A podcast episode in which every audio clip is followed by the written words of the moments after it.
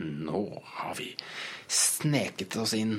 Nei, da, vi har ikke det. Vi har kommet oss inn. Vi er på Politihøgskolen, faktisk. Og vi sitter på kontoret inne eh, hos eh, overbetjent Inge Meløy. Han jobber på Politihøgskolen. Etter å ha jobba på PST noen år, og ikke minst han har vært på Svalbard som innsatsleder i 100 år, og har vært med på Oi, nå kommer hun borti. Nå kommer hun borti her. Du hører at det er Inge og Lars som kommer når det er så mye bråk i gangen. Totally. Det er bare, der ser du. Det er, det er rein hermegås her i kontoret mitt. Vær så god. Du hører Jeg hørte at dere kom en kilometer borti gangen. Ja, for nå har du fått staver? Jeg får staver. Det som er morsomt, det er at eh, Lars har jo vært min eh, og er min turmentor. Og til og med koden på døra Hit. På Politihøgskolen kan han. Det er, det, er et, det er et mønster som bør være ganske godt kjent i polfarerbransjer. Og han catcha det med en gang. Jeg gjorde det? Wow. Vi kan ikke si det på Nei, det kan vi ikke si. Men, eh, Hysj, hysj, da må vi klippe det bort. Ja. Det hadde tatt seg ut om, eh, om alle våre Hva vil du gjette på? 34 lyttere kunne bare spasere inn og ut på Politihøgskolen. Ja. Det skulle tatt seg ut. Nå må jeg faktisk skifte kode. Nå må jeg på ny tur. Så koden har noe med tur å gjøre. Nå har vi sagt altfor mye allerede. Da spørs det hvilken tur kan vi snakke om? Og hvis man da skal tenke seg, så er det liksom sånn Ok, er det Everest, mon tro, med de tallene? De er ganske kjent.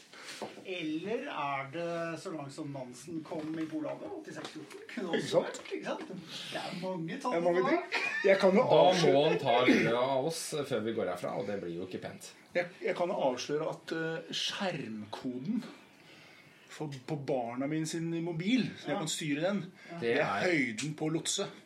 ja. Ja. 8, 6 85, 84, 85, 85, Ah, 16. det tatt! Ah, alle. my God. Men alle andre koder er 86, 14. Nei, vi klipper bort der. Er en jævlig morsom start. Jeg blir bare ferska av Lars.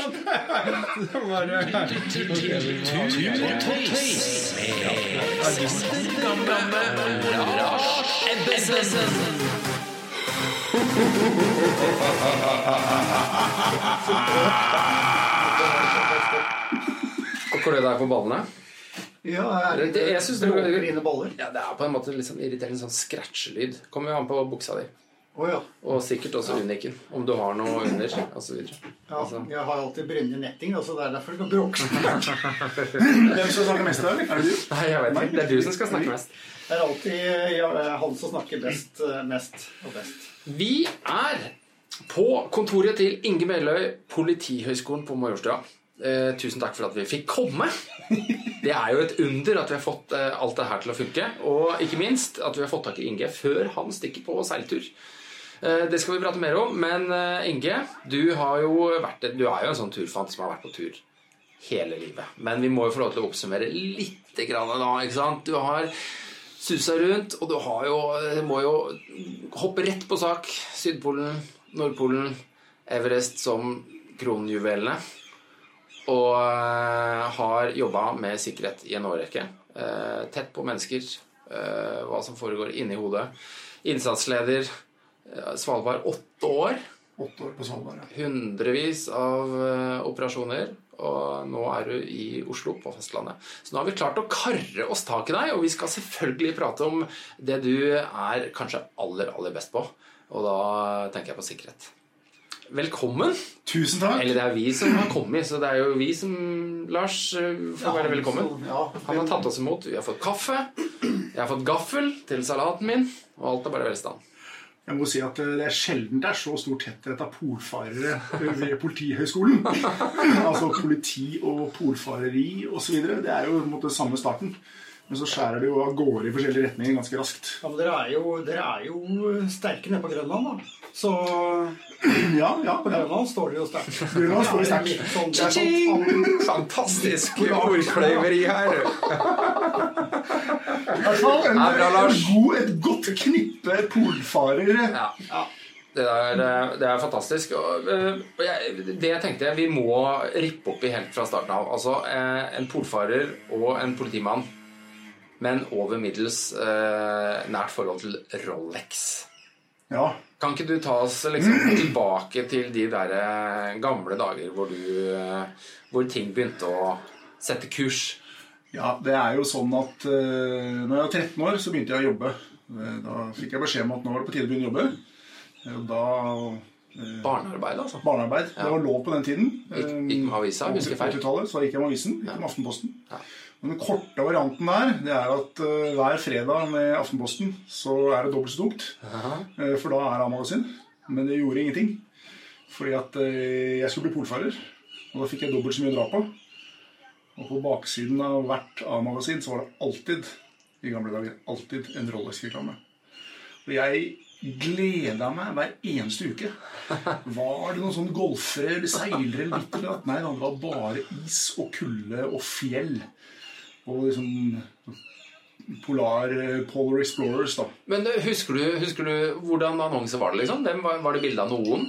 Var det bilde av Edmund Hillary, eller var det liksom sånn, var det en Expedition Style eh, klokkeannonse? Det er, det er jo særlig én annonse som, eh, som eh, har satt seg Ja, vi tar en liten Det ble, eh, det ble veldig mye måker sjøl for eh, godeste Odd, tror jeg hadde reagert. Ja. Nå var du aggressiv. Ja, jeg syns det var egentlig utrolig bra, bra backup. ja, men jeg sitter med det på øret. Og jeg, Ja, må det da. jo, fordi da hører jeg den faktiske lyden som kommer inn.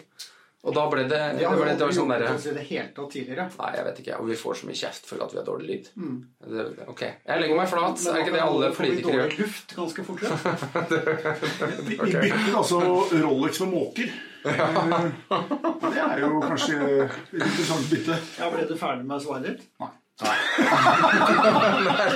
vi, må, vi må vite hva som var. Ja, men det, det tenker jeg sånn der. jeg husker også, det, det, var vel det var mye Kon-Tiki? Var det ikke, husker jeg ikke det? At det var Heyerdahl og Kon- Kon-Tiki og sånn var? Jeg husker ikke alle annonsene, men det var i hvert fall at de som gjorde store oppdagelser, de hadde Rolex. Ja, det var Så noe enkelt er det. Og så ble det selvfølgelig toppa med Erling Børge sin tur til, til Nordpolen. Eh, Hvor det ble en Rolex, hvor Erling på en måte ble Ja, det husker jeg. en sånn Rolex-mann, da. I hvert fall eh, ble skjøvet foran seg. Så jeg skulle jo bli polfarer, og da måtte jeg ha Rolex. Så eh, jeg husker det den dag i dag, holdt jeg på å si. I november 1990, da var jeg 15 år, så gikk jeg til Umaker Bjerke med 15 000 i cash i hundrelapper. Herregud, for Sånne eh, røde Camilla Collett-hundrelapper. ikke Ja. sant? Og så kjøpte jeg Rolexen min. Og så sa jeg hei, jeg heter Inge. Jeg skal bli, pol ja, hei, jeg heter Inge, jeg skal bli polfarer. Jeg skal ha den klokka.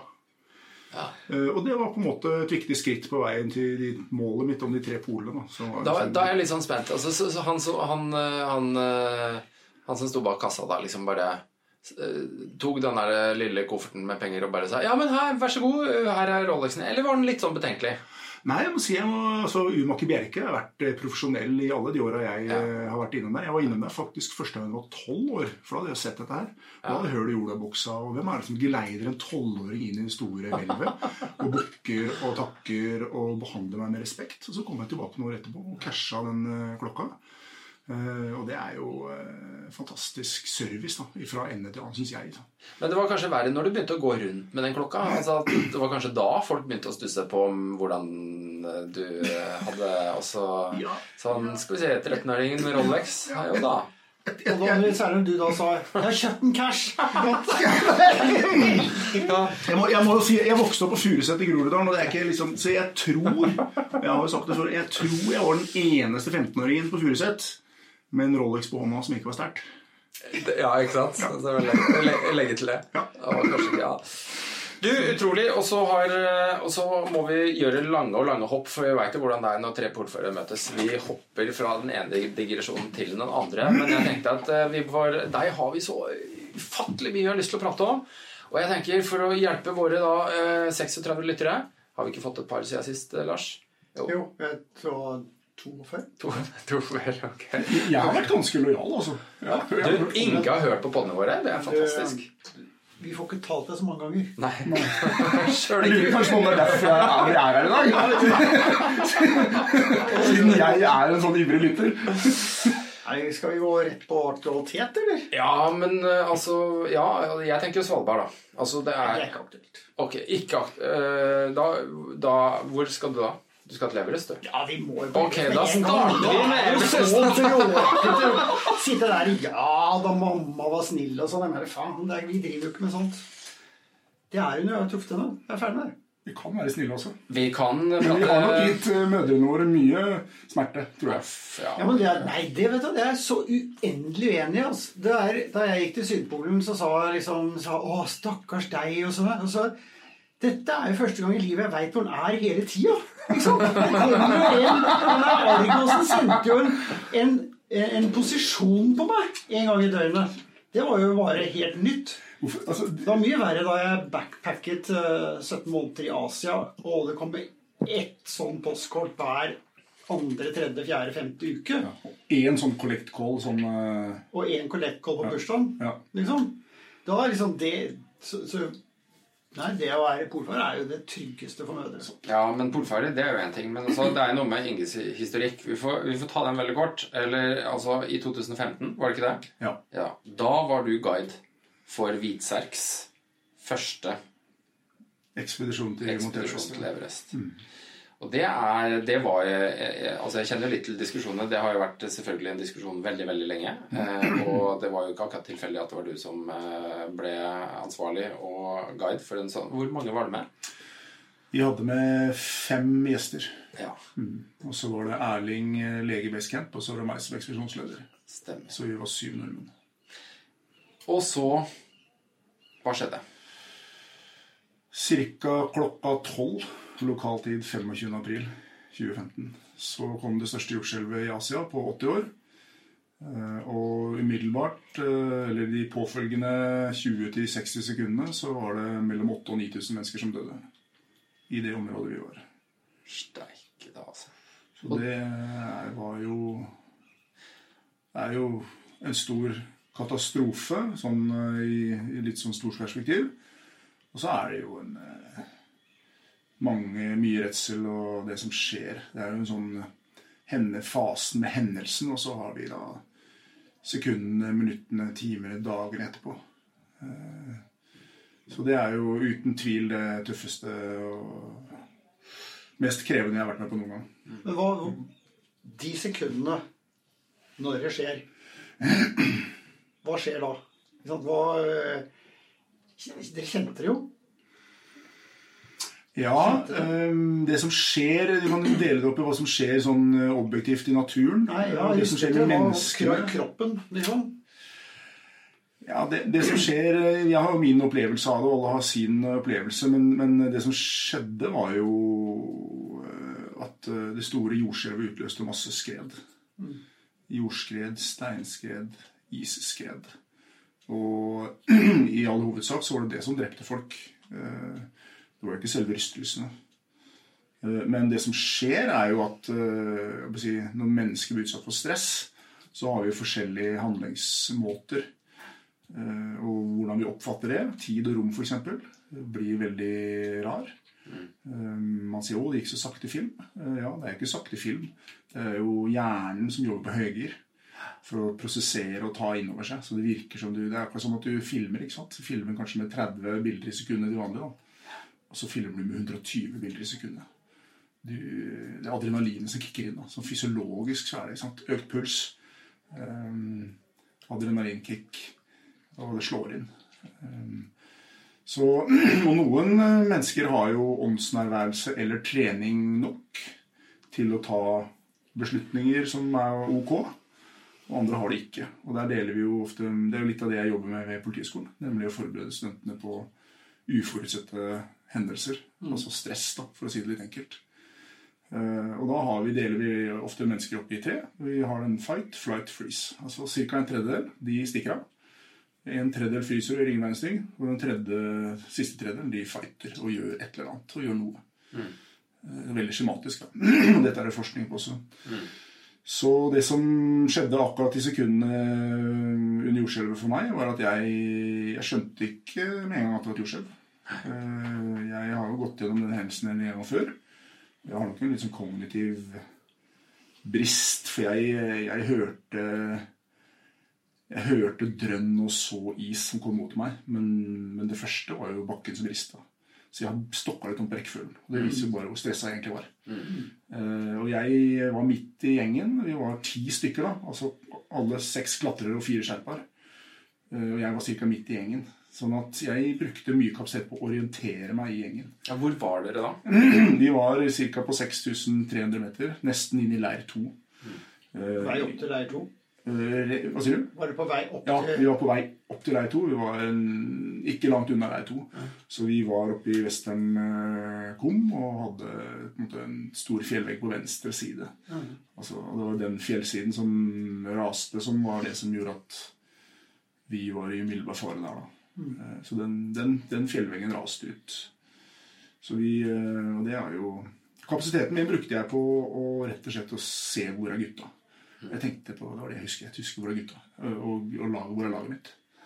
Og, jeg, og så er det en sånn maktesløshetsfølelse. Eh, Fordi som politimann eller som klatrer eller som et eller annet, så er vi vant til å gjøre noe. Eh, Får vi en uønsket hendelse i trafikken, så tar vi en unnamanøver eller Jeg er vant til å handle. Og så står jeg der i- midt i Himalaya og bare ser fjellveggen og vet at nå smeller det. Og kan ikke gjøre noen ting for gutta. For det tar jo litt tid. Eh, Så Var jo spredningen på dere øh, i den situasjonen, da? Altså fem, seks, syv stykker, seks stykker øh, 60 meter, 50 meter Jeg tror alle vi var innafor ca. 100 meter. Og jeg var omtrent midt i flokken. Og akkurat i jordskjelvet så jeg falt jo, ble liggende litt på bakken. Uh, Rystelsen var stor nok til at jeg i hvert fall uh, falt litt. Da. Det med flere som falt. Var det tau, da? Nei, det var ikke i tauet. Ikke tau. Vi var akkurat på vei over i blåisen, mellom snø og blåis. Eh, Så det var akkurat Og så husker jeg at jeg, jeg husker Lars litt foran meg. Jeg husker Christian. eh, Jeg husker gutta. Jeg husker mange som, luk, som ropte 'run, run'! Eh, Og så husker jeg at jeg tenkte Nå må du ikke løpe, Inge. For på 6300 meter så klarer du å løpe fem skritt. da. Og så skylder du et minutt med pusting etterpå. Så tenkte jeg at dette er over før jeg har fått den pusten. Så jeg tenkte alle disse tankene. Hva skal jeg gjøre nå? Og det jeg endte opp med, var jo til syvende og sist, når jeg skjønte at det ikke var noe mer å gjøre, så gikk, sto jeg på kne i Himalaya, og så tok jeg henda foran huet. Når eh, den skyen med snø og is kom. Ja, Men det var jo ikke så mye kraft i den akkurat der jeg var. det var ikke det. Nei. Så det er flaks, rett og slett. Når du la seg igjen, altså fordi da kommer føyka og, og, og blir der, og da får du jo en helt uoversiktlig situasjon. Fordi du ser jo ikke, og du får ikke prate. Altså når, når, når tåka, for å kalle det det, begynner å legge seg igjen, da Klarer du å beskrive hva som liksom Hva går gjennom hodet og, og, og kroppen? Eh, var du redd da for at noen skulle ha blitt tatt av det der? Eller, eller ja, visste du at dette her ikke kom til å ta noen av dere? Det som er interessant, syns jeg, det er at eh, når jeg først var ferdig med flaks da, i Himalaya den eh, 25. april 2015, så var det veldig gjenkjennbart, det som foregikk. For at eh, da på mange måter så tok jeg liksom på meg innsatslederhatten min. da. Og Dette hadde jeg gjort før, bare at eh, dette var en mye større skala. Politiet har undersøkt OSAT. Og det er, kort, det er en forkortelse som vi bruker eh, for å rydde litt i det som foregår. Og det betyr eh, oversikt, sikkerhet, akutte tiltak, tilbakemelding. Og det er bare å begynne. Oversikt, sikkerhet. Eh, og det var grunnen det jeg gjorde. eh, Å få oversikt uh, og ta vare på sikkerheten. Og så er det de akutte tiltakene. Så helt nedpå der kommer f.eks. førstehjelp. Ikke vits å drive førstehjelp eh, under en bygning som raser. Da må du løpe, ikke sant. Og litt sånn var det her også. Så den, Det er den største osatten jeg har vært på noen gang. Uten tvil, selvfølgelig. Men, men, men den fasen var ganske, ganske gjenkjennbar, altså. Eh, Men den, den flaks-slash-uflaks-fasen satt jo lenge i som en veldig ubehagelig følelse. Nå jeg jo gått en del år og syns det var greit. Men, men selve den gjenkjennbare ta på innsatslederhatten og begynne, begynne å jobbe-fasen eh, var gjenkjennbar. For det er det jeg har gjort. Jeg har brukt 20 år av livet mitt i Forsvaret og politiet eh, til det. Så der har jeg en mestringsfølelse. Der jeg tror vi gjorde, gjorde det vi kunne. altså. Men da var dere altså rett under leir to, og så kommer den føyka som heldigvis bare er føyke. Som du vel ikke kunne vite bare var føyke? Nei, vi, Den føyka vi fikk, eh, var jo mest støv, og det, og det er sånn rart. Det var ikke, sånn, det ikke snøskredstøv. Det var knust is, sånn melisdryss som bare la seg over og fylte lommer og, og litt i munnen og hjelmen. Og, og det var jo Og andre steder på fjellet så ble man truffet av stein og isklumper. Det var jo det som drepte de Ja. rundt oss. Ja, det er, det, det er så dimensjoner. Altså det er, fordi det er klart at Når vi prater om sikkerhet, så er det jo mye av den forberedelsesfasen øh, Jeg tror vi alle er enige om at mye ligger i forberedelsene. At du kan påvirke mye utfall med å være godt forberedt. Det er ikke vi som fant opp det. Eh, Men det er klart at når sånne ting skjer, eh, så uforutsett, så uforberedt, hvor du på en måte bare blir en sånn eh, statistisk variabel av naturens eh, skjebne, det er eh, men, men, men tenker du på dagene som fulgte? Så var det opp, opprydningsarbeid, redningsarbeid. Hvordan vil du beskrive det? Du kan jo dele fasen Det er flere faser, da. Men jeg vil si at de første to døgnene etter den hendelsen så, så skjøtta jo mer eller mindre Nepal ned. I hvert fall den regionen vår. Det var ikke noe, ikke noe strøm og internett og samband. og Det var, eh, det var litt, sånn, litt sånn darwinistisk på mange måter. Det var det sterkeste som De som hadde beste korta i stokken, som klarte seg best. Og så var det å hjelpe til så godt man kunne. Enkelt og greit. Og så en liten, liten detalj, bitte liten detalj, som jeg har liksom plukka fra Svalbard, da, jeg skal snakke litt om det etterpå, det er det at eh, det du ikke har på kroppen, det er borte. Så jeg hadde satellittelefon og et ekstra batteri til satellitt- satellittelefon på kropp. Og det ekstra batteriet til satellittelefon, det kan ikke kjøpes for penger i Himalaya når et helt land bare, bare skrur av. Så jeg hadde direktelink ut ja, til Hvitserk, til UD, til backofficen vår. eh, Og kunne melde og, kunne, og det, det ekstra batteriet var forskjellen på veldig mye usikkerhet og, og ikke minst den hjelpa vi kunne yte, og den hjelpa vi fikk. Eh, Så det, og det er litt det som kjennetegner store hendelser. Eh, enten det er terrorhendelser, eller er naturkatastrofer, eller de har det du, eller, eller, eller en trafikkulykke. Du ruller rundt med bilen og havner på taket i grøfta. Vet du? Det du ikke har i lomma, det er borte. Ja. Fester på kroppen din. Og så kan man ikke gå rundt som en sånn eh, kjempe fugleskremse og en diger julenisse og ha med seg alt. Men det er det som er liksom, den forberedte overlever. Da. Du må ha med deg akkurat det du trenger. Eh, For hvis du ikke har det, så er det borte. Fantastisk eh, godt tips. Enkelt. Dere, dere hadde jo veldig god kontakt og et godt system eh, og godt forsikret. Vi, vi hadde lagd et, eh, et kriseresponssystem før, eh, før vi dro til Everest. Og det var vel mer eller mindre bare stjålet da, fra Forsvaret og politiet. For Forsvaret er svært, svært gode på det. Politiet øver seg og har blitt mye flinkere, særlig etter 22. juli. og Det har skjedd mye med norsk politi. Um, som er veldig positivt. Uh, og det vi gjorde i den bedriften, var jo å bygge et, et system fra scratch. Som vi var flere som bidro der, men uh, i all hovedsak så går det på å bemanne ulike posisjoner. uh, Lage tiltakskort, og ikke minst at uh, eh, guiden, da, som egentlig ble litt som en slags innsatsleder i politiet, siden det er det jeg er utdanna som og kan relatere meg til, det er man har single point of contact, man eh, driver lite spekulasjoner osv. At vi har veldig sånn enkelt system. Og så måtte jo da eh, Hvitserk, da, som det var i andre enden nå, hadde med pårørende og med UD og hadde og satt, sette på en måte stab, da, som politiet gjør eh, ved store, ved store hendelser. Så det var egentlig bare å strukturere det og eh, og det i system. da, Og så må alle vite om det. Så det er, det er en opplæring. da, Og det er jo det som er spennende med dette. Det hjelper ikke om det fins et system hvis ingen veit om det. Eh, Så det er jo liksom misjonering, da. Ja. Hvor mange var da i Camp 2-området som dere var, var da? Vi var ti stykker. Seks klatrere, norske klatrere og fire skjerper. Ok, men det var dere eneste lag Å, unnskyld. Ja, nei, da var vi eh, Vi tok jo Vi var tre ekspedisjonsledere i leir 2 som, som samla oss. Og så er det OSAT-en igjen, oversiktssikkerhet. Akutte Ja. tiltak, tilbakemelding. Og det å få oversikt var jo noe det første vi ville ha. Hvor mange er vi? Jo, vi var 103 i leir 2. Um, hvordan er det med skadde? Jo, vi hadde to som var kritisk skadd.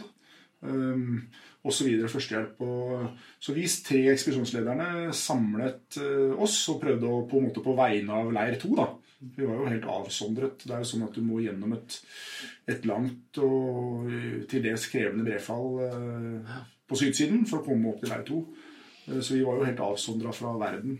Og alt av radiolinker og alt var jo bare oss sammen. Så vi tok den rollen sammen, og så gikk vi ut og fordelte oppgaver. og så Altså, Det var bare å begynne å jobbe. Det var bare å begynne å ta tak i noe. Men dere kom, Var det første rullering opp til Camp 2 dere var på, eller? eh? Ja, første rullering, så vi var jo overhodet ikke akklimatisert fra den høyden. Nei, det var det jeg tenkte på. Første rotasjon til leir 2. Og sånn Skulle dere så da vært oppe og overnattet? Skulle dere rett ned igjen, eller hva var vi, skulle, vi hadde vært og overnattet eh, en natt i leir 1, og så skulle vi ha et par netter i leir 2. Sånn var det vel eh, rotasjonen da. Jeg husker ikke nøyaktig. Men, eh, så vi var på vei opp der, og vi var jo ganske krevende. Vi hadde tunge sekker, og det var første rotasjon, så vi bar ganske mye. Mm. så det var en krevende dag. Og klokka tolv så er man ofte på slutten av dagen eh, i Himalaya, for da begynner det å bli så varmt. Så vi starter jo om natta eh, av flere grunner, både pga. varmen, men også at vi har minst mulig skred. da. Og Jo varmere det er, jo mer sol det er, jo mer skred blir det. Så i utgangspunktet så er man ferdig til lunsj med det man skal. Og så ble dere hentet ut med helikopter, eller? eh? Vi ble henta ut med helikopter, og det ble vel til slutt det som ble fasiten for alle oppe på fjellet. At uh, til slutt så ble alle fløyet ned pga. brefallet og pga. at det eneste som er sikkert ved et jordskjelv, er at eh, det kommer etterskjelv. Og det var jo massive etterskjelv. Allerede etter en liten time så kom det store nye skjelv. Eh, Som både skadde folk og drepte, drepte folk. Så det var den lange veien hjem. da, Disse ukene vi brukte på å komme oss ut eh, til Katmandu, hvor det var daglig, daglig ganske kraftige rystelser. Eller i hvert fall innimellom kraftige rystelser. Så det var jo en lang periode å stå som ansvarlig, syns jeg. da. Det var det som eh, Jeg kjente på det Jeg kjente på den lederskapsmessig, nemlig at jeg har ansvar for gutta. Jeg har ansvar for 19 stykker. jeg. Altså, Vi var syv nordmenn og, og 12 sherpaer på laget mitt. da. Eh, Jeg hadde ansvar for hver eneste en.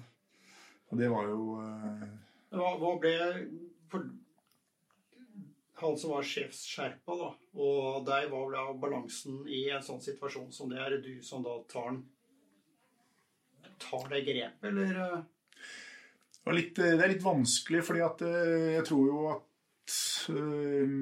kulturelle forskjeller er jo veldig spennende. og er derfor reiser rundt i verden ikke sant? og opplever de. Og så kommer sånne store katastrofer, og så er det i hvert fall opplevde jeg litt mer enn en kulturell forskjell. Jeg opplevde kanskje en, en litt kulturell kløft på noen områder. og innrømme det. Jeg er vant til å være innsatsleder. Jeg er vant til å prøve å håndtere og jobbe med det jeg har. og og, og gjøre så godt jeg kan med de ressursene jeg har, og hjelpe de menneskene som er i nærheten. Og så, og så får jeg bare tilbake at uh, Very angry mountain, Inge. Very angry mountain. Uh, ok, og så tenker jeg, Skal vi ta noen forhåndsregler mot dette sinte fjellet, eller skal vi liksom sette oss ned og drikke te og tenke at ja, ja, vi hadde flaks denne gangen? Uh, og der uh, blir jeg en handlingens mann, da. Uh, så det er jo litt morsomt å se de kulturelle forskjellene som er veldig sjarmerende. Må jeg innrømme at jeg opplevde det som eh, ganske krevende i den fasen der. altså. Jeg innrømmer det. Ja, altså. det skjønner jeg. Det kan sikkert være frustrerende med Det er to så forskjellige tankesett.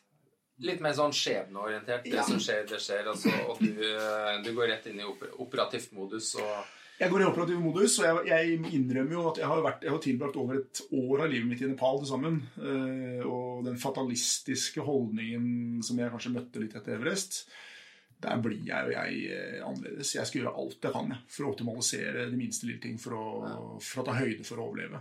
Og Et enkelt eksempel var at jeg nektet jo laget mitt å sove i basecamp etter hendelsen. Fordi der ble det eksponert for Det var jo over 20 stykker som døde i basecamp pga. noen isfall. Eh, Og jeg nektet Jeg ville også at sherpaene ikke skulle sove der. Jeg ville ha samme sikkerhet for sherpaene som for de norske deltakerne. Og det skjønte de ikke. Nei. Det var ikke noe vits. Eh, You go safe back home. You go safe. Ja, men eh, vi er et lag. Jeg hadde 19 stykker på laget. Jeg hadde ikke 7 pluss 12. Eh, Så det ble en liten utfordring. Og så må man jo bruke litt sånn kløkt og list, og, men av og til må man bruke kjøttvekta. Og si at det er faktisk jeg som er ekspedisjonsleder. Så ingen får sove her. Jeg, jeg vil ikke, jeg, Vi kan ikke komme hjem med syv norske klatrere og så har vi mista tre skjerper. Det, det, er ikke, det er ikke greit i min verden. Det er jo like mye Nei, det er ikke, det er ikke, Sånn kan jeg ikke jobbe. Da kunne jeg ikke hatt det. Når du står oppå der og dette har skjedd, eh, var, var det noe sånn Hvor slo kulturen inn på, på reaksjonsmønster på de du har rundt deg? Eh, var det noe forskjell der? Hvordan tok folk det? Hvordan liksom, Du sier 'run, run' idet det skjer, liksom. Eh, men etter det, hva var folk rolige? Var de fokusert? Var de Ja, jeg må, jeg må innrømme at jeg, jeg, nå, nå blir dette så litt, Det var min opplevelse, og jeg, opplevde vel kanskje litt sånn resignasjon, syns jeg, da, blant enkelte skjerper. Eh, på at ja, ja, det gikk bra, så det er fint, liksom. Mens jeg sier ja, men eh, vi må jobbe for å neste runde og neste gang det skjer. Og, altså, jeg var mer handlingsorientert, da. Eh, og, og nordmenn og kanskje en del og kanskje, kanskje det var en lederskapsmessig ting også. Ikke nødvendigvis kulturell, men, men eh, vi var jo en del ledere som prøvde å ta ansvar, og, så, og tok ansvar. Og så var det en del eh, Men, men jeg, jeg, jeg syns jo det beste i mennesket kommer fram i kriser, men også det verste. Mm. Så det var jo en del hendelser, kanskje ikke i initialfasen, men etter hvert, eh, blant enkelte. Det ble sendt f.eks. noen naboland som sender et helikopter for å bare redde sine eh, statsborgere eh, til stedet. Hvor det da er plass til 20 stykker i et helikopter. Og det står 50 stykker og slåss. Og det var sånn neseblod og isøkser og eh, og, altså, det, er, det var en hendelse hvor det sterkestes rett. Og som jeg sier, det beste kommer fram i folk. Og det gjør jaggu det verste òg, altså. Så, så vi er liksom nede på beinet. Vi er redd for livet vårt. ikke sant? Folk er redd for livene sine. Eh, Folk tenker på seg selv, og så har du lederne som står fram. Erling begynte å jobbe rundt omkring i basecamp og ta tak. Eh, Andre, andre redda seg sjøl og, og løp av gårde. Uh, Og det er veldig forskjellig. Det er ikke så lett å Jeg tror jo trening slår inn, da. Det er jo det jeg driver med. Jeg driver jo og ønsker å trene mennesker til å ta gode beslutninger. Eh, Og det å være mentalt forberedt på hvem vil jeg være i en krise. ikke sant? Men de du hadde rundt deg, altså de gutta som var med deg, var de med? Liksom? Ja, dette hva. Jeg var kjempeprivilegert. Eh, Kjempeprivilegert fordi at eh, jeg syns at laget mitt eh, og laget vårt funka som bare det. Vi hadde jo kjørt. Kjørt tabletop-øvelser. Vi hadde trent på at noe skulle skje. Det er kanskje mer sånn bussen velter eller ramler, man får et skred, liksom. Vi hadde jo ikke trent på en så stor hendelse, men vi hadde forberedt oss da, på at noe kan skje. Og det er der Det er er den kule greia, da. Det er liksom Jeg syns det fungerte bra. Jeg er stolt av, av at vi beholdt roen. Ingen sutring og klaging og spekulasjoner. og øh, Vi gjorde det vi kunne for å optimalisere vår egen og de rundt oss sin posisjon. Og så ja, jeg, jeg, jeg er veldig fornøyd med det. Jeg fikk fantastisk backing fra, fra øh, Hvitserkontoret og fra alle rundt. Og vi hadde, vi hadde planverk, og det var det å ta fram og begynne å jobbe med. Og jeg syns det satt bra, faktisk. Vi hadde forberedt oss. Men, eh, og vi var jo få også. Og klart, vi hadde jo ingen alvorlige skader. Jeg var den eneste ekspedisjonslederen i rassonen som ikke begravde noen av mine. Og det var jo flaks. Vi hadde alle ekspedisjonene over og under oss hadde dødsfall. Det er jo helt vanvittig. Så um, Utrolig. Helt utrolig. Kan du, kan du si noe om altså Hvis du ser litt bort fra eh, skredet Dere som første kan du si, kommersielle Everest-ekspedisjon du hadde ansvaret altså, hvordan, går, hvordan går man fram for å forberede en sånn gjeng på en sånn bestigning? Jeg er jo inne på liksom kjernen av det vi driver med Everest nå. Da. Jeg ser jo at jeg sitter ved glasshus, og at eh, det begynner jo knuse glasset. Fordi at eh, Hvordan forberede kommersielle kunder på Everest? Eh, Hva er problemet med dagens Everest? Hva er det vi ser? Og Eh, For å stokke kortene litt, da. Eh, Den eh, første norske kommersielle turen til Everest ble organisert da i 2015. Det vil si at vi hadde uttak i juni året før. Jeg brukte ti måneder på å utdanne gjestene, og sto igjen med fem stykker. Jeg husker vi møttes på Sognsvann, på parkeringsplassen der, med dekk og stiger og et ute, av en uttakssamling som jeg tror gikk over tre-fire dager. Og jeg tok hele den der gjengen der og raste rundt i Nordmarka med dem. Kjørte dem med stiger, bind for øya. Jeg kjørte en rein seleksjon eh, på de eh, med samarbeidsøvelser. altså Bind for øya, sette opp telt, klatre, satt sammen stiger, satt på gjestene votter i, i juni og ba dem klatre. Utsatte dem for litt sånn småtteri. Og så Var det sånn eh, mangel på litt sånn eh, dårlig søvn, eh, lite mat? Nei, Kjørte du den stille òg, eller var det mer sånn uh... Nei, vi tok den ikke så langt ut, men, men ønsket å forberede gjestene på det. Og, og først seleksjon, og så en, en utdanning. eh, på en måte da. Litt sånn à la forsvar og politi, for å være helt ærlig. Ja, ja. Og det var jo avtalen jeg hadde med, med, med Witzerk også. at jeg skulle... Det var kanskje kriteriet mitt, eller det var kriteriet mitt for å, for å være med på dette her. var at jeg skulle kunne, jeg skulle kunne bestemme hvem som ikke skulle få være med. Eh, For det er ikke en tur i min verden som du bare tar med deg hvem som helst. Og det er jo litt av problemet, eh, kanskje kjerneproblemet på Everest nå, da, for å hoppe litt. Det er jo at det er altfor mange ukyndige mennesker som er der eh, samtidig. Så med den ekspedisjonen ønsker vi å utdanne gjestene. Vi hadde flere samlinger i Jotunheimen. Vi hadde klatresamlinger, vi hadde isklatresamlinger.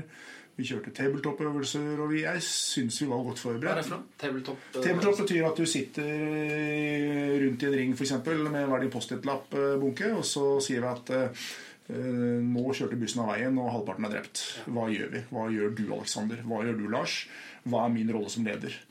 Eh, Og så kjører vi den som, en, som et tankeeksperiment. Case-diskusjoner som jeg ofte har ja, brukt ja. på gjengene. Ja.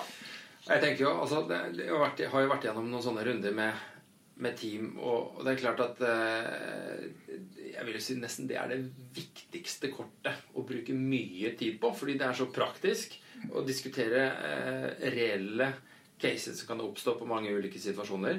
Og så er det, som, som jeg pleier å si, det er ikke alltid du finner en kokebokoppskrift hvor alle er 100% enig, men da får du i hvert fall også avklart hver og ens personlige mening og innstilling i forhold til en problemstilling.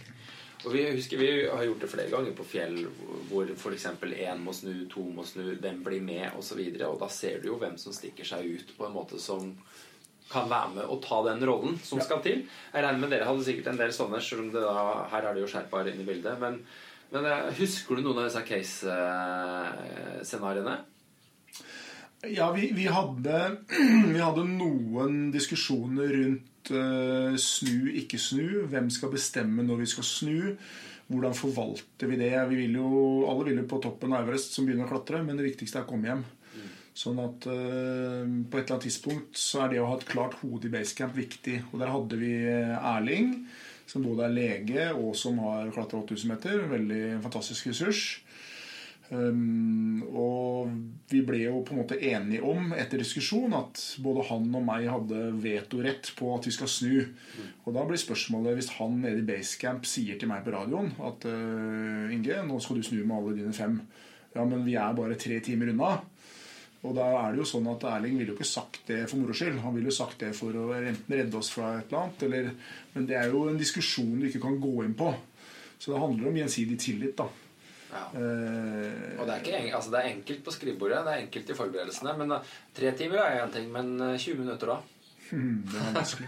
Den er kilen, den er kilen. Og det er, det er noe med at eh, det å insistere i å bruke trumfen, det gjelder jo både på fjell og i forhold og med unger og alt det. Altså, Du skal være forsiktig med å bruke trumfen. Ja. Og når du bruker den, så, skal, den- så setter du den ordentlig ned. Og da blir det sånn. Det det som er viktig med hvem har du i basecamp som sier dette til deg. Ikke sant? For du skal Det mennesket må du stole på. Det må ha deg der det mennesket vil ha deg. Eh, Men under hvilke forutsetninger kan en i basecamps lese situasjonen bedre? Altså, det er klart. Eh, Ja, mener du det? Altså, jeg, jeg er ikke helt enig i det. For det er klart at han vil ikke se akkurat hva som skjer der og da. Det er jo gjerne eh, at eh, folk, ulike, folk er i ulik form. Ting eskalerer, utvikler seg i forhold til andre. eh, Kø, vær osv. Og jeg ser jo det, altså Grunnen til at jeg spør, er jo for jeg ser jo ekspedisjonsledere sitter jo, sitter jo i basecamp og styrer hele spillet som brikker. Men det er klart at med din erfaring, eh, så, så er det klart at ja, tenker klart over 8000 osv. osv. Men det er jo en veldig vanskelig eh, diskusjon, fordi at eh, jeg kunne ha jeg kunne jo ha sett tilfeller hvor en basecamp vil holde sikre kort og snu hele gruppa, mens du ser at dette her er ikke like reelt som kanskje han som det, situasjonen ble tolka til, og du ønsker å fortsette. Og det er jo vanskelig da å snu en haug med betalte kunder når du ser at veien ligger åpen.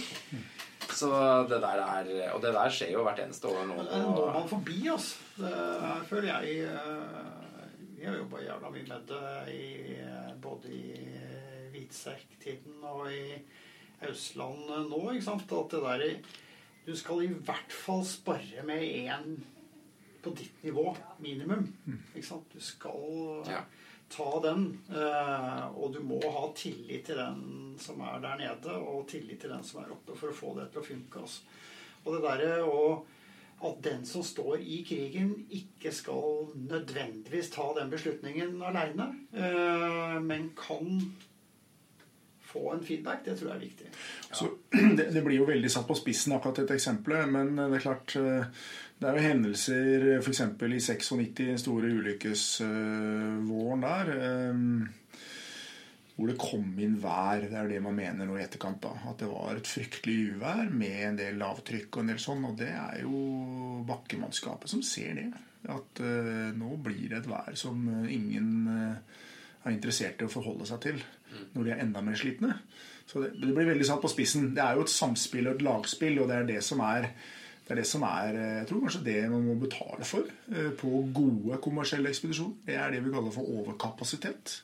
Og det er det jeg syns er gøy å drive med når jeg holder på i reiselivet og organiserer ekspedisjoner. Det er å ha overkapasitet. Da har vi kapasitet til å ta beslutninger. Da har vi kapasitet til å hjelpe folk som, som har en ulykke. Og Derfor um, hevder såpass tydelig da, at den forberedte overlever. Og det å ha mer kapasitet enn det du trenger, det er jo eh, en god forberedelse for å overleve. Hvis vi skal trekke det litt ned da, på folks eh, fjelltur, eh, kan det være utenlands eller i Norge for den saks skyld, men la oss si du er fire-fem stykker da. Du skal på en dags eller flere dagers tur oppå et høyt fjell. Eh, og du er en liten gjeng. Så er jo selvfølgelig Det er, det er ikke dumt å ta og diskutere disse her eh, mest eh, sannsynlige scenarioene på forhånd. Altså sånn Hva skjer hvis været kommer inn? Hva skjer hvis en vrikker foten? Hva skjer hvis en blir dårlig om å snu? Eh, fordi der og da i diskusjonen eh, så er man ikke alltid i stand til å ta de beste avgjørelsene. Er du enig i det? Ja, det er jo der stresset kommer inn. Altså, Stresset er jo hjernens fiende, og stresset har jo mange symptomer. Blant annet eh, at altså, under stress så vil hjernen din ha, gjerne ha to viktige ting. Den ene er sukker, den andre er oksygen. Um, og veldig ofte så får jo ikke hjernen nok oksygen når du stresser. Altså Når du ser folk stå foran muntlig eksamen eller står foran en viktig begivenhet, og de står sånne smågjesper, så er det jo ikke fordi de kjeder seg eller fordi de er trøtte. Det er fordi hjernen trenger oksygen. Hjernen sier 'fyll opp', gi meg mer, gi meg mer, gi meg mer. Og Der er jo det vi er inne på stressmestring. Det er det jeg syns er gøy å jobbe med prisstudentene. eh, Og med gjester på tur. Og for så vidt meg sjøl òg. Det er jo å dra, dra de som er nede i stressdrakta, som vi kaller dem, dra dem opp. da. Få en bedre kognitivt overskudd og ta gode beslutninger. Det kjennetegner jo de som på en måte både klarer å ha et godt forhold til stress. Og det er liksom det å være spent, men ikke nervøs. eh, Det å takle ting Noen sier 'Å, du er så god til å ta beslutninger', sånn og sånn. Ja, men du er egentlig, kanskje ikke nødvendigvis det, men du er god til å ikke ta dårlige beslutninger under stress. i hvert fall. Og du er vant til å trekke pusten, f.eks. Haster og haster ikke. Eh, Så det med liksom, hva slags reaksjoner har du, hva slags reaksjonsmønster, og der er jo Forsvaret og politiet veldig flinke. Vi trener på det. Vi trener på å ta det. Jeg sier ikke at man må trene på en stressituasjon for å dra i Nordmarka med fire kompiser og hengekøyer. Det er ikke det jeg sier, men, men, men forskjellen, og det er min kanskje noe erfaring jeg vil oppsummere fra si, 20 år med med både oppdrag og redningstjeneste og tidvis død og fordervelse og, og fantastiske opplevelser, det er jo at uh, forskjellen på suksess og fiasko ofte er ekstremt liten. Er, eh, den, er bare, den er minimal noen ganger. Det er f.eks. et batteri til satellittelefonen i lomma. Det er om du har huska kameratsjekken, at du ikke du klipsa deg på en utstyrsslynge. Men så, sånne, små ting. Det er i hvert fall det som velter lasset ofte. Det er de små, små tingene. Ja, Det er interessant sånn det du sier. for hvem tar, den, hvem tar, denne diskusjonen før tur? Og en liten tur med kompiser hadde en greie hvor eh, en felles kjente oss skulle gå, liksom, gå sånne småturer i Norge, og så gikk de eh, opp i nord et eller annet sted, og så faller han ene sammen og blir dårlig. ikke sant? Og så er det ikke noe på mobilen. Den mm. har ikke noe, ikke sant? Og de må holde på lenge, får til slutt en, ja, så kommer Sea og plukker den opp og redder den i siste, siste liten. ikke sant? Og i år så ringte han meg, og så så jeg fanken, kan du låne en satellitttur?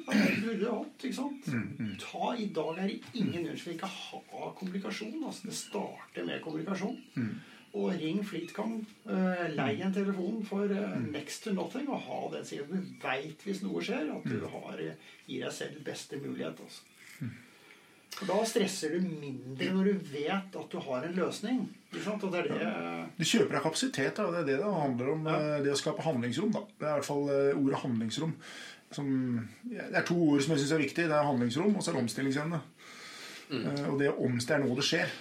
Og de gangene jeg har vært i hendelser som har vært kritiske, enten for meg eller andre, så har det vært det å forstå at det er nå det skjer. Det er faktisk nå det skjer med meg. Her og nå. Det er ikke liksom kan ikke gjemme deg, kan ikke krype ned i soveposen og knyte ned noen hopper og gå over. Du må, liksom, du må, forstå at det skjer. Da. Og den omstillingsevnen den kjennetegner jo idrettsutøvere, gode beslutningstakere og business alt. Hvis du klarer å trekke det unna i tide, så blir du rik. Og hvis ikke, så blir du fattig. Eh, Samme med fjellet. hvis du trekker, altså Den omstillingsevnen fra at nå er det en fantastisk fin tur, og alt er bare fint, og det er varm solbartolje på termosen, til at nå går det gærent, mm. det er det skiftet som er det vanskelige. Prater, men du prater om eh, når folk er nede i stresstrakta. Eh, når du har folk rundt deg, når teamet ditt eh, er på vei ned, det skjer et eller annet, og du, mm. du ser og merker at folk begynner å bli stressa mm. Irrasjonelle, eh, handlingslamma f.eks. osv. Hva, hva er det beste tipset for å altså, Hvordan kommer man opp igjen? Hvordan tar du folk opp igjen? Jeg er veldig glad for at du spør om det, Alexander. Fordi at jeg har jo jeg på en måte har funnet min oppskrift og den oppskriften som jeg forvalter. Men den er også sånn fysiologisk eh, begrunna. Og for meg så handler det om for meg selv, og fordi jeg lærer bort som studenter eller som turfolk, det er å ta et par dype magedrag. Rett og slett. Jeg legger venstre hånda på magen. Det vil si at jeg har høyre til å håndtere alt fra klipskarabiner til samband eller, eller våpen da, i politiet. Så venstre hånd på magen. Jeg er høyrehendt. Den kan jeg håndtere om andre ting. Ja. Så tar jeg et par dype magedrag. Det tar ca. ti sekunder. Og trekker pusten. Ikke noe sixpack. Og ikke noe bare mager og topper og sånn på damene. Her er det bare slag en skikkelig vaskeball og fyll på med to dype magedrag. Det er kanskje den beste starten du kan få på en god beslutning når du er stressa. Det kan du bruke i forholdet til kjæresten din. Du kan ikke minst bruke det til barn hvis man har barn. Eller man kan bruke det hvis man får et fjell i hodet. Så det er universaloppskriften. Og den er også og helt gratis. du kan bruke det hvis du har konkurransenerver, eksamensnerver. Altså fordi alt starter med det der magedraget, egentlig. Og så kan du fylle på med hva som skal skje oppi hodet. Ja, og det var det vi snakket om i dag. Du står og gjesper ikke fordi du er trøtt eller kjeder deg. Du står og gjesper fordi hjernen sier 'gi meg litt mer oksygen', da. Mm. Jeg trenger litt mer oksygen, så jeg kan ta gode beslutninger. Og det er, det er et gratis triks. Det tar ca. ti sekunder å trekke pusten to ganger. Og det er undervurdert. Og så er man i gang. Vi er jo forferdelig dårlige på å puste i det hele tatt. Så, så der bor vi nede i havkanten hvor det er feitest oksygen. Det, det, gjør at vi har jo lite triggere på at vi bør puste ordentlig. ja. Det er jo fantastisk at du ser liksom yogier og vestlig, nei, østlig verden hvordan de egentlig kan styre kroppsprosesser, styre kroppstemperatur. Altså meditasjons, eller pustens mm. rolle i meditasjon og yoga. ikke sant? Altså det, det ligger jo i kortet at det der er liksom kontrollsenteret for det fysiologiske. Mm. Og så, men, men, etter det, da La oss si du har um, har, Er det noen tips for, for, folk til å våkne opp litt av en sånn um, resignasjon, eh, panikk, desperasjon. Eh, hva gjør du? Tar du det i hånda og sier at 'nå skal vi puste'? Det kan vi gjøre, Ja. eh, faktisk. Eller er det en sånn ørefik, rett og slett? Altså sånn eh, tuk, tuk, tuk. Hør her. Våkne opp. Jeg, jeg deler ut lite ørefiker. jeg må innrømme det. Eh, Det som er eh, når- ting går gærent hva er lite? Definer det. Er det en i uka. Koner og- Kun koner og barn. Kun koner og barn. ja, det, det kan jo man gjøre, men eh, for meg så handler det egentlig om å være mentalt forberedt når man går inn i noe. Forberedt på det som ikke skal skje, og at vi har tent igjennom scenarioer. Um, og Det er en sånn superenkel liten sak. da Hvor ligger eh, sanitetsutstyret? Hvor ligger, Hvem har ditt, hvem har datt? Gjøre det enkelt for oss når vi blir stressa. da Når vi går ned i stressdrakta, det er jo at vi blir gråmotoriske. ikke sant? Vi blir stressa, vi tar dårlige beslutninger. Uh, og vi blir gråmotoriske. Og det er å ha en plan for det. Ha en plan for enkelt å få tak i ting vi trenger osv. Men øh, jeg tror veldig på det å måtte bare stå fram hvis du har ansvar da, øh, som leder. så Stå fram som en tydelig leder. Og, og det er jo ingenting som er så fælt som folk som ikke gjør noen ting. Så det viktigste er å gjøre noe. Og det viktigste er på en måte ikke alltid hva du gjør, men at du gjør noe. Ja, og det er greit, liksom. Det er greit å gjøre noe, men å heller gjøre feil i en krisesituasjon. Ja, Å sette folk i jobb. Altså, De må ha noe meningsfullt å, å gjøre. Altså, De må ha en rolle. Du vet, Hvis de folk ikke gjør noe, så blir det ofte i veien. vet du. Og det, jeg, jeg, har, vi, har vi tid til en historie? Ja, ja, ja. Jeg elsker historier. Kom igjen. Ok, eh, det er, Vi får anonymisere den. Eh, Men eh, det var noe sånn at på Svalbard for noen år siden så var det en gruppe med jeg tror det var 13 britiske ungdommer som ble angrepet av isbjørn. Eh, Og det er jo en tragisk historie, for det var en 17-åring som ble drept ganske umiddelbart. Og så var det fire til som ble hardt skadd og kvesta. Eh, Og jeg landa som innsatsleder på det stedet. eh, Med det første helikopteret. første som kom dit. Og da er det selvfølgelig OSAT igjen, da, som vi snakket om. Oversikt, sikkerhet, akutte tiltak, tilbakemelding. Men når vi var ferdig med den første initielle førstehjelpen og fått en oversikt og satt ut isbjørnvakter og gjort alt det der, så sto det jo en håndfull ungdommer da, og ikke hadde noe å gjøre. Nei.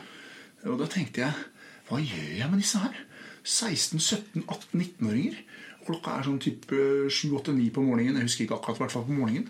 Hva gjør jeg med de her? Jeg har, jeg har ikke hatt tid til at de skal begynne å bli lei seg og sånn, og begynne å liksom dele. Vi, vi har jo masse jobb som skal gjøres, og vi kan svime ut. Og jeg har jo sett at folk kan bli bare plutselig begynne å gå sin vei og sånn.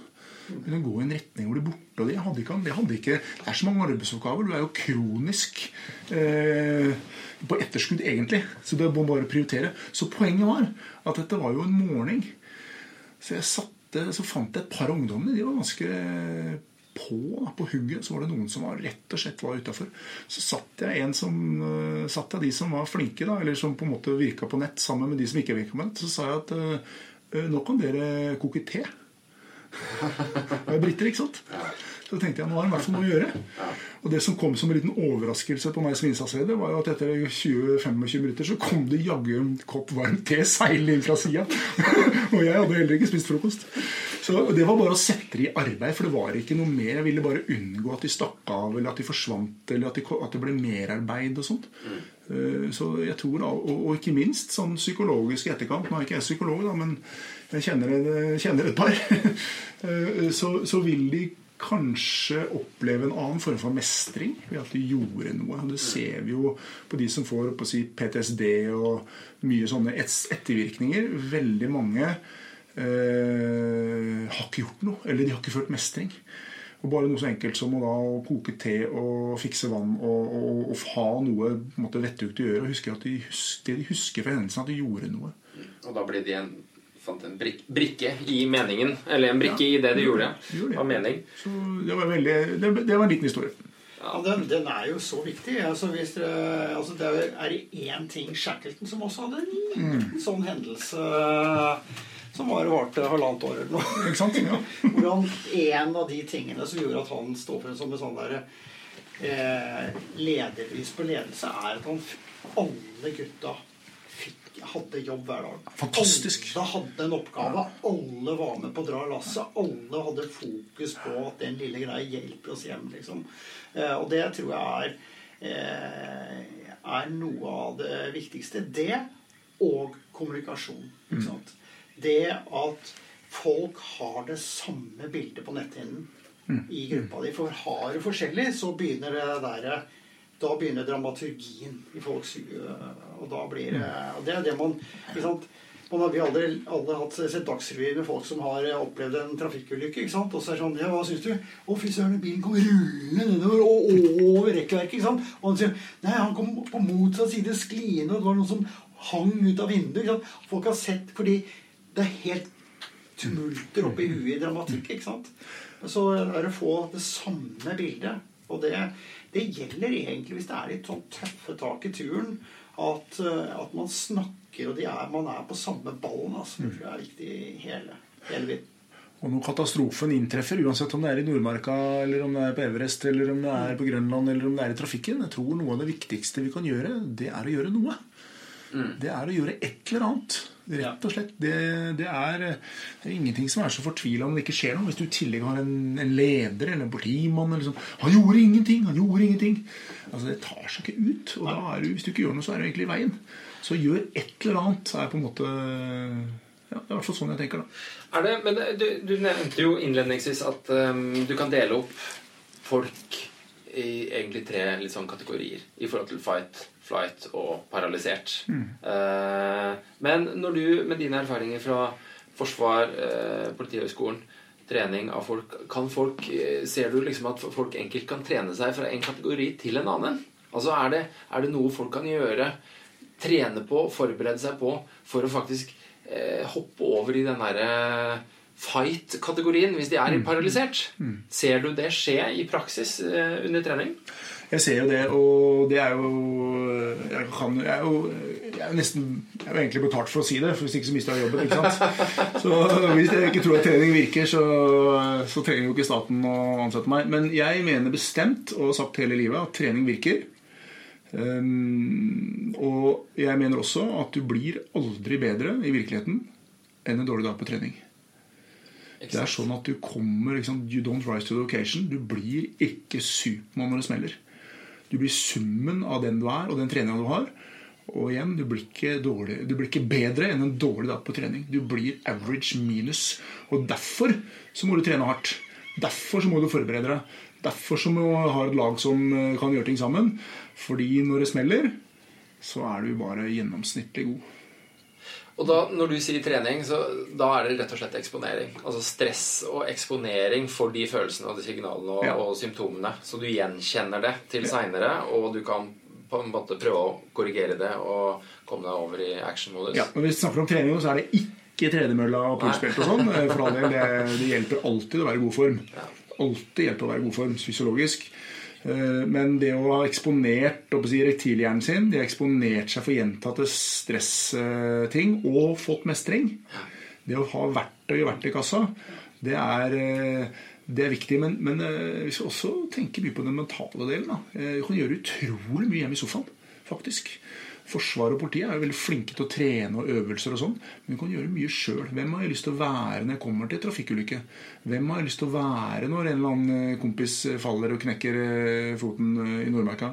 Hvem, og det å være det å være den du har lyst til å være, det er et veldig veldig godt skritt på veien. Så du kan bestemme deg litt på forhånd. Du kan bestemme deg litt eh, Du kan også bestemme deg for hva som skjer. Hva skjer hvis jeg blir tatt eh, Hvis det kommer opp et fryktelig uvær, f.eks. Jeg mener du kan bestemme. Og det, det er jo noe av den derre summen eh, Eller liksom oppsummeringa fra Svalbardtid. åtte år på Svalbard med, med, med redningstjeneste. Eh, Jeg mener jo at eh, når det oppstår en kritisk hendelse, så, så, så skal man nekte å dø. Så skal man nekte å dø. Det, det står ikke i menyen. Ja, ser du liksom eksempler på det motsatte? At når folk får et fell i huet, så er det liksom greit? Ja, altså resignasjon. Det er jo det Det mener jeg jo bestemt at de som snur på Everest, f.eks., liksom ikke, de, de gir opp. Og Sånn er det jo også.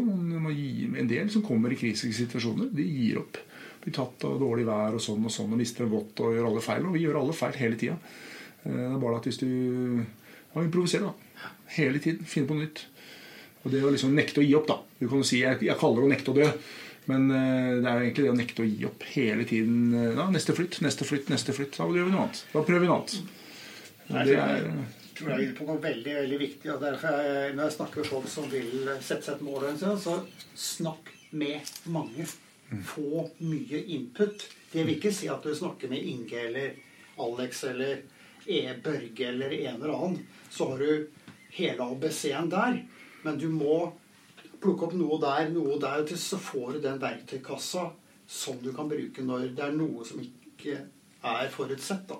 Det står jo i de gamle fjellvettreglene som 'lytt til erfarne fjellfolk'. Og det, det er jo noe av det du sier, Lars. Synes jeg. Det, det morsomt. Det var første gang jeg traff Børge Ausland. Det var jo eh, skulle gå til Nordpolen. Og så Jeg lurer på var du som sa det, Lars. Og bare, ja, kan ikke ringe, da? Og så ringte jeg til Børge. Og så Det er klart vi skal gå en tur i skogen.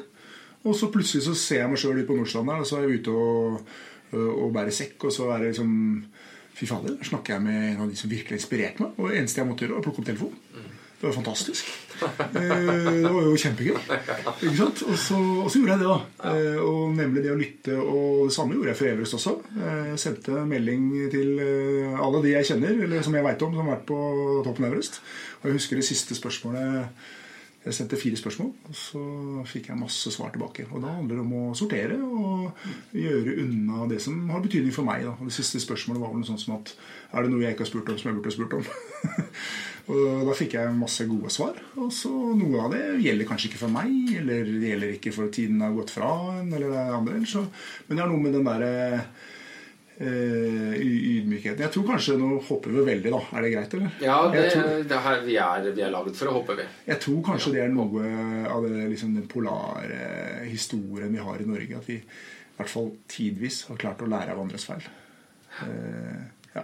Så det er ikke Spørre alle hverandre. Og apropos, um, apropos Børge, en ting jeg har tatt med uh, Jeg vet ikke om det er hans filosofi, men det er for han som jeg har hørt sagt det. Altså det er, skal du på en måte løse et problem, så må du forstå problemet. Og en forlengelse av det, altså da prater vi ordentlig å forstå det. Litt, litt sånn som du sier nå, at du må kartlegge kartlegge alt på forhånd. Altså Du må, du må harve opp all informasjonen om alt som kan skje. Og så må du på en måte kategorisere det litt. Og da er vi over på altså, HMS-planer og risikovurderinger osv. Men det er klart at da må du ta de som det er stor sannsynlighet og stor eh, risikoutfall, og så finne løsninger for. ikke sant? Så må systematisere hele risikobildet. Det er jo for så vidt et annet, øh, et annet univers. Men, men jeg tenker jo det er ofte kanskje der hvor folk lar seg stanse, det er jo at folk vil gjerne ut på tur, om det er en tur i marka, eller ut på Galdhøpiggen, eller om de skal på bre, eller om de vil krysse Grønland, så er det jo den derre at de ikke har oversikt over alle utfall. Hva, alt hva er det som kan skje? Men der vil jeg anbefale ikke sant? begynn å sette opp liste med alt det du vet sjøl. Finn bøker. Ta opp telefonen, sånn som du sier. Ring folk som har vært der. Søk all informasjon. Og det, det er et så stort stykke av den mentale treninga også. Fordi da får du den overkapasiteten, sånn som du sier, med at eh, du har oversikt, du har kontroll, og du kan legge en plan for alt. Så det er eh, Jeg syns det er fantastisk eh, å høre. Og jeg tenker at Norge er kjempeheldig. Altså folk i Norge som har lyst til å dra på tur, er kjempeheldige. Fordi det er bare å ringe. Det er bare å ta opp telefonen. Ring Lars. Skal vi ha nummeret ditt her òg? Det står i boka. Ja, ring, ring Tove og spør etter meg. Du, Inge, vi må Ring, ring og spør etter deg. Hva får vi ut til svar, da? Han er opptatt. Uh, Han er ute på rulleski. Vi får se om de overlever til å spørre er- meg. lar seg på tur. Eh, ja. Inge, Så du har bare hatt vellykkede turer, du, altså? Har vi, har, vi en, har vi en liten tabbehistorie her på slutten? Sånn eh, små eller stor, eller nær eller fjern, eller eh, hemmelig, eller ikke hemmelig? Jeg har jo, jeg, altså, jeg har jo snudd eh, på mange turer. Ja, men det er jo ikke noe tabbe. Eh, og jeg har jo gått gjennom isen på dag to på Norge på langs, f.eks. Men du overlevde jo, så det var jo knapt en tabbe. Jeg har en, jeg har en, jeg har en tabbe. Jeg har en, jeg har en dohistorie. Å, han, oi, oi, oi, han gikk vekk fra tabbe til do. Det er lov. Jeg tenker du må, Han må, må stå opp for ett av korta. Og det kan vi velge. Tabbe eller do? Kom Det er jo en tabbe av en dohistorie. Ja, det er enda bedre. Det er det jo Det ofte. er viktig å anonymisere disse turene, eh, så ikke vi får søksmål og sånn. Ja, det. Eh, Men jeg kan si at det, det var i Antarktis. Eh, Og det var en tur på høyeste fjellet i Antarktis Ja. som måtte mot Vincent. Jeg er så heldig at jeg har vært der. eh, Og jeg hadde, var der sammen med far og to sønner. Og nå er det kanskje ikke så anonymt lenger, men, eh, men, Nei, det snevrer seg litt grann inn nå. men anonymt nok, vil jeg si. Um, jeg kan jo ikke si, jeg kan jo ikke si hva det het. Nei, um, og der, gir dem fake navn, som er Og det er Ja, de, Gunnar og Gert og ja, ja, Jacobsen heter de. Uh, heter de. Eller vi, vi kaller det Jacobsen. Uh, Det som skjedde, var at på fjellet i Montvinsen så er det sånn at det er jo ikke lov å tisse og ikke lov å bæsje på andre steder enn det som er des designated. Altså alt som kommer inn, skal også bæres ut. Da er det fram med poser. Så da er det fram med poser. Og disse posene de kalles jo for wagbags. Eh, og det er jo sånn at du får utlevert en håndfull med disse ziplock-posene med en ny sånn svart pose oppi. Som er litt større. Det er bare det at en av deltakerne, eh, jeg kan ikke si hvem, trodde at det var denne ziplocken, den bitte lille litersposen, at eh, denne Ja. avfallet skulle oppi. Ja, ok. Eh, Og det kan man jo si at det, det blir jo litt rart da når man skal prøve å treffe, og- treffe en sånn literspose uh, med polvotter og i minus 30. Uh, Så den tabben der Da kan man vel si at uh, kan vel si at han hadde noen sønner som eh, gjorde ganske mye narr av eh, han. Og det ble en, det ble en eh, fantastisk variant, men det må jo kunne si at det er altså, stå i minus 30 og prøve å treffe en liten ziplock-pose. Eh, Og så titte opp som et spørsmålstegn etterpå. eh, Det er kanskje Fordelen er jo at det er kaldt. Altså det er, da blir skadeomfanget liksom begrensa raskere. Du kan liksom etter hvert begynne å riste av og slå av. og Det er fordelen da, enn om det er liksom i null, nullgrads eh, drit. Av å slå av. Ja, det, ja, driten er, du har jo, har jo bæsja på leggen sjøl også. Da er det jo liksom, er det kaldt, så er det bare å vente to minutter, og så Skrapa. skrapa eller men, men når det gjelder tabber, da, jeg må ta en tabbe. Eh, Ja. Jeg tar den siste tabben, eh, hvor det er liksom det som ligger øverst i munken. Eh, Og det eneste som står for fall, er jo hovmod. Og nå har jeg blitt 44 år. Og jeg har, må innrømme at jeg i største delen av mitt liv har ledd av mennesker som faller ned fra stiger. Ja, det tar jeg meg sjøl i tenkte, Hvor dum kan du være? Falle seg fra en liksom. Og hva skjedde for to uker siden? Jo, Oi, oi, oi. Da, og det, det handler om eh, Jeg sa det litt tidligere i samtalen her. Forskjellen på suksess og fiasko. ikke sant? Den er så uendelig liten. Da. Ja. Jeg, for tre, to eller tre uker siden så falt jeg ja, ganske vondt ennå, faktisk. Så falt jeg rett og slett ned fra en stige fra en seilbåt, eh, seilbåten min som var på land. Eh, Og det var jo et øyeblikks uoppmerksomhet da, som gjorde at jeg var ikke langt, men 2,5 meter rett ned på høyrefoten og kjørte albuen i asfalten. Og, eh, og jeg lurte liksom Shit, ass. Og vet du hva det første som slo meg? Var det noen som så meg? Var det noe som så meg? Første gang jeg ser meg rett. Du snakker om å være forfengelig, ikke sant? Ja, men sånn er Og det jo. igjen. Jeg, bare, jeg skal aldri le av noen som faller i en stige. Og jeg klarte meg, men det var hårfint.